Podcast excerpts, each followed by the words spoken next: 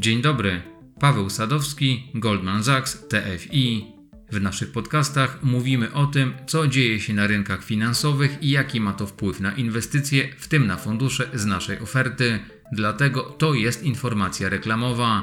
Szczegóły na końcu materiału. Zapraszam na flash rynkowy. Zawsze kuszące jest zignorowanie sytuacji, która chwilowo nie stwarza zagrożenia, ale potem, prędzej czy później, trzeba będzie poświęcić zasoby na gaszenie pożarów.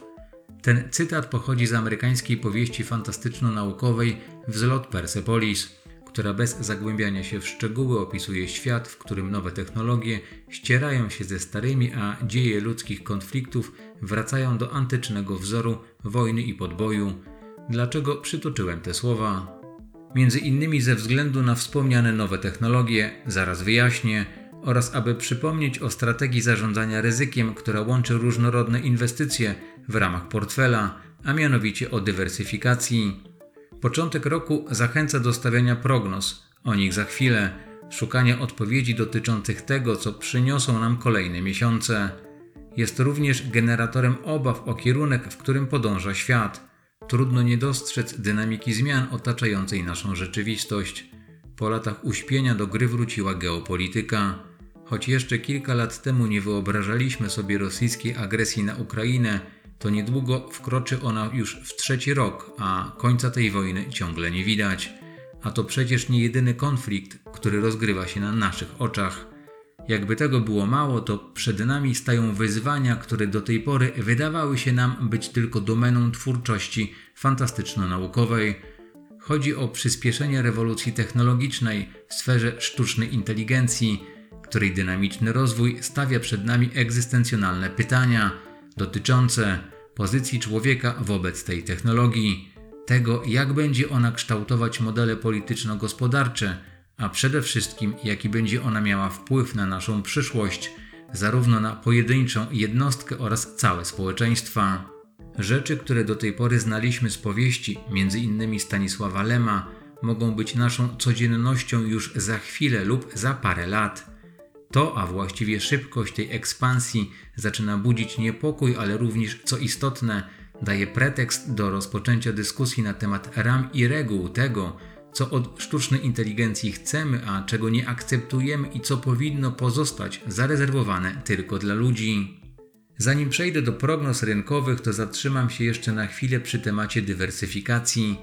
Patrząc na przekonania i oczekiwania inwestorów, w odniesieniu do zachowania rynków akcji i obligacji w bieżącym roku przez pryzmat rewelacyjnych zeszłorocznych stóp zwrotu, o tym za chwilę, i skali optymizmu uczestników rynku, to trudno nie odnieść wrażenia, że poprzeczka tych przewidywań i nadziei jest ustawiona bardzo wysoko. Niejednokrotnie przy takim myśleniu o przyszłych zyskach, które wspierane jest przez pozytywne historyczne stopy zwrotu, mamy tendencję do ignorowania sytuacji, która chwilowo nie stwarza zagrożenia oraz do lekceważenia realiów rynkowych, które są poparte fundamentami. Warto o tym pamiętać zawczasu, gdyż z dywersyfikacją bywa niejednokrotnie jak ze zdrowiem, o które zaczynamy się zazwyczaj troszczyć dopiero wtedy, gdy zachorujemy. O tym, że poprzedni rok był wyjątkowo dobry dla inwestorów, może świadczyć zachowanie krajowego rynku funduszy inwestycyjnych. Cytując portal analizy.pl, to powiedzieć, że to był dobry rok dla klientów TFI, to tak jakby nic nie powiedzieć. Zarobić dały bowiem zarówno akcje, jak i obligacje. Zyski przyniosły także niektóre surowce. To oczywiście znalazło odzwierciedlenie w wynikach funduszy inwestycyjnych, które już dawno nie były tak dobre. W 2023 roku ponad 500 spośród około 800 krajowych rozwiązań wypracowało dwucyfrowe stopy zwrotu pod kreską była zaledwie garstka. W ujęciu średnim najwyższe stopy zwrotu w 2023 roku wypracowały fundusze akcji polskich plus 35%, dla których ubiegły rok był najlepszym pod względem wyników od co najmniej 2011 roku. W przypadku funduszy akcji amerykańskich średnia stopa zwrotu wyniosła niecałe 22%, a w przypadku akcji globalnych rynków rozwiniętych sięgnęła niespełna 19%. W tym czasie fundusze akcji europejskich rynków rozwiniętych dały zarobić 13,5%. O tym, jakiego zachowania rynków akcji spodziewamy się w bieżącym roku, powiem za chwilę. Rok 2023 był też wyjątkowo dobry dla klientów funduszy dłużnych, które cieszą się też największą popularnością wśród krajowych inwestorów. Najlepsze stopy zwrotu wypracowały fundusze papierów dłużnych polskich skarbowych długoterminowych, a więc te o najwyższym ryzyku stopy procentowej. Ich średni zysk przekroczył 14% i był najwyższy od 2012 roku, kiedy to zarobiły średnio 12,5%. Niewiele mniej, bo 13,4% zyskały w 2023 roku fundusze papierów dłużnych polskich długoterminowych uniwersalne, co również było najlepszym osiągnięciem od 2012 roku, kiedy średnia stopa zwrotu w tej grupie produktów wyniosła 11,1%. Podobnie sytuacja wygląda w przypadku funduszy papierów dłużnych polskich skarbowych, funduszy papierów dłużnych polskich korporacyjnych oraz fundusze papierów dłużnych polskich uniwersalne. W grupach tych także zyski były dwucyfrowe i również najwyższe od 12 lat. Przechodząc teraz do przewidywań dotyczących możliwego zachowania indeksów akcji w bieżącym roku, to warto zwrócić uwagę, że trwający od października 2023 roku rajd na rynkach akcji był jednym z najintensywniejszych od czasu globalnego kryzysu finansowego. Ten inwestorski optymizm odzwierciedlał połączenie większej wiary w miękkie lądowanie globalnej gospodarki z wyraźnymi dowodami na to, że inflacja na całym świecie słabnie, a stopy procentowe prawdopodobnie spadną. Narracja rynkowa na 2024 rok jest prawie odwrotna od tej z początku 2023 roku. Wtedy obawy przed rosnącą inflacją i stopami procentowymi doprowadziły do powszechnych oczekiwań recesji. Natomiast teraz inwestorzy stoją w obliczu rosnącego wzrostu gospodarczego, umiarkowanej inflacji i perspektyw spadku stóp procentowych. O nich za chwilę. Jest coraz więcej dowodów na to, że inflacja słabnie, a to powinno być korzystne dla akcji, o ile nie towarzyszy temu bardzo słaby wzrost gospodarczy. Historyczne średnie stopy zwrotu z akcji amerykańskich po osiągnięciu szczytu inflacyjnego były zazwyczaj dodatnie, o ile gospodarka nie znalazła się w recesji. Jest to zbieżne z zachowaniem akcji w innych regionach. Gdy inflacja jest wysoka i umiarkowana, to średnie stopy zwrotu z tych aktywów są zwykle jednymi z bardziej dodatnich w cyklu. Z podobnym, lepszym zachowaniem instrumentów udziałowych mamy do czynienia, gdy stopy procentowe spadają, a gospodarka uniknie recesji. Uważamy, że akcje znajdują się obecnie w końcowej fazie cyklu hossy, czyli w fazie optymizmu. Rynki akcji prawdopodobnie wybiją się w górę, ale tempo i skala wzrostu od tego momentu zostaną złagodzone, ponieważ istnieje zagrożenie dla wzrostu zysków, który będzie prawdopodobnie umiarkowany oraz częściowo dlatego, że niższa inflacja osłabia nominalny PKB i dochody, podczas gdy marże pozostają w dużej mierze na niezmienionym poziomie. Ponadto, podczas gdy niższe stopy procentowe mogą sprzyjać wyższym wycenom, to punkt wyjścia w postaci premii za ryzyko pozostaje bardzo niski. Dodatkowo wskaźniki cena-zysk, szczególnie w USA, są bliskie najwyższych poziomów od 20 lat, co pozostawia niewiele miejsca na ekspansję wycen. Nasz poziom docelowy indeksu SP na koniec 2024 roku wynosi 5100, co stanowi wzrost o 7% w stosunku do poziomu z końca poprzedniego roku. Jeżeli chodzi o oczekiwania dotyczące zachowania krajowego parkietu akcji, to w naszym lokalnym scenariuszu bazowym spodziewamy się, że w 2024 roku warszawski indeks giełdowy czeka jednocyfrowa stopa zwrotu. Patrząc przez pryzmat całego rynku, zyski spółek z GPW raczej nie pokażą znacznego ożywienia. Prawdopodobnie wzrosty wyników w sektorze finansowym zostaną skompensowane przez spadek w branży paliwowo-energetycznej. To, co wspiera notowania na GPW, to wskaźniki rynku poniżej średniej historycznej, takie jak cena zysk. Głównym motorem odbicia może być konsumpcja przy wzroście pensji w ujęciu realnym. Powracając do tematu globalnej inflacji i stóp procentowych, to obserwujemy dalszy gwałtowny spadek cen towarów i usług konsumpcyjnych.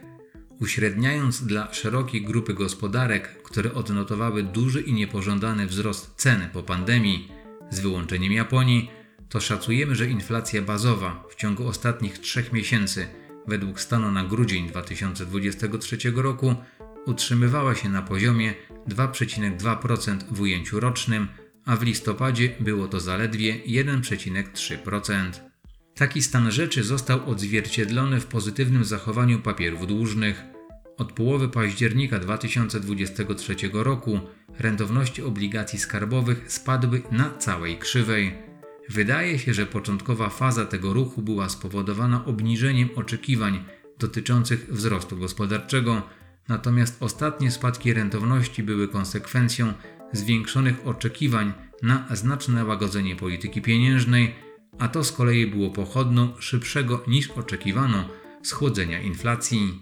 Intensywne skupienie się banków centralnych, szczególnie Fed, na dynamice procesów dezinflacyjnych pomogło w tym ruchu. Biorąc to pod uwagę, nasi ekonomiści przewidują następujący harmonogram obniżek stóp procentowych dwóch głównych banków centralnych. Przy scenariuszu bazowym dla Stanów Zjednoczonych obejmującym 5 cięć po 25 punktów bazowych w 2024 roku i trzech dodatkowych cięć po 25 punktów bazowych w 2025 roku widzimy obecnie rentowności dwuletnich i dziesięcioletnich obligacji amerykańskich na koniec bieżącego roku na poziomach odpowiednio 3,7 i 4%. Ostrzejsze spadki inflacji w Europie oznaczają, że spodziewamy się, że EBC dokona cięć o 175 punktów bazowych z 4% obecnie do 2,25% na początku 2025 roku. To tyle na dzisiaj i do usłyszenia. Ten podcast przygotowało Goldman Sachs, Towarzystwo Funduszy Inwestycyjnych SA. Upowszechniamy go w celach informacyjnych, ale również reklamy lub promocji świadczonych przez nas usług. Posiadamy zezwolenie Komisji Nadzoru Finansowego na prowadzenie działalności. Podcasty tworzymy dokładając najwyższej staranności. Zawieramy w nich nasze opinie i oceny, które są wyrazem wiedzy popartej informacjami ze źródeł wewnętrznych lub zewnętrznych, uznanych przez nas za kompetentne i wiarygodne. Jednak nie gwarantujemy, że są one wyczerpujące i w pełni odzwierciedlają stan faktyczny. Dlatego nie ponosimy żadnej odpowiedzialności za szkody powstałe w wyniku wszelkich decyzji podjętych na podstawie wysłuchanych informacji. Nasze podcasty nie stanowią oferty, doradztwa inwestycyjnego ani rekomendacji kupna lub sprzedaży instrumentów finansowych i nie zwalniają słuchaczy z konieczności dokonania własnej oceny. Podcasty nie mogą stanowić podstawy do podejmowania decyzji inwestycyjnych. Inwestycje w fundusze inwestycyjne zarządzane przez Goldman Sachs TFI są obarczone ryzykiem inwestycyjnym, a uczestnicy muszą liczyć się z istnieniem możliwości utraty części zainwestowanych środków. Gdy mówimy o stopach zwrotu, to odnosimy się do wyników historycznych jednostki uczestnictwa kategorii A funduszy inwestycyjnych. Nie gwarantujemy osiągnięcia celów inwestycyjnych funduszy ani uzyskania podobnych wyników w przyszłości. Indywidualna stopa zwrotu z inwestycji nie jest tożsama z wynikiem inwestycyjnym funduszu, bo może mieć na nią wpływ wysokość pobranych opłat manipulacyjnych i należnych podatków. Tabela opłat znajduje się na stronie www.gstfi.pl. Informacje w języku polskim o prawach inwestorów, a także o funduszach inwestycyjnych zarządzanych przez Goldman Sachs TFI oraz o ich ryzyku inwestycyjnym znajdziesz w prospektach informacyjnych, kluczowych informacjach i informacjach dla klienta alternatywnego funduszu inwestycyjnego dostępnych w naszej siedzibie na stronie www.gstfi.pl oraz u dystrybutorów. Wartość aktywów netto wszystkich subfunduszy akcji mieszanych i absolutnej stopy zwrotu może się cechować dużą zmiennością ze względu na inwestowanie w akcje. Dużą zmiennością mogą cechować się również subfundusze Goldman Sachs SFIO, Goldman Sachs Perspektywa oraz ING konto funduszowe ze względu na nabywane przez nie jednostki lub tytuły uczestnictwa innych funduszy, w tym zagranicznych, inwestujących w akcje lub inne instrumenty o podwyższonym ryzyku. Subfundusze Goldman Sachs Perspektywa SFIO oraz subfundusze Goldman Sachs SFIO za wyjątkiem Goldman Sachs Konserwatywny Plus, Goldman Sachs Obligacji Plus, Goldman Sachs Total Return oraz Goldman Sachs Obligacji Korporacyjnych lokują wszystkie swoje aktywa w jednostki uczestnictwa FIO zarządzanych przez nas oraz w tytuły uczestnictwa funduszy zagranicznych zarządzanych przez podmioty z naszej grupy kapitałowej. Takich lokat mogą dokonywać również subfundusze ING konto funduszowe SFIO.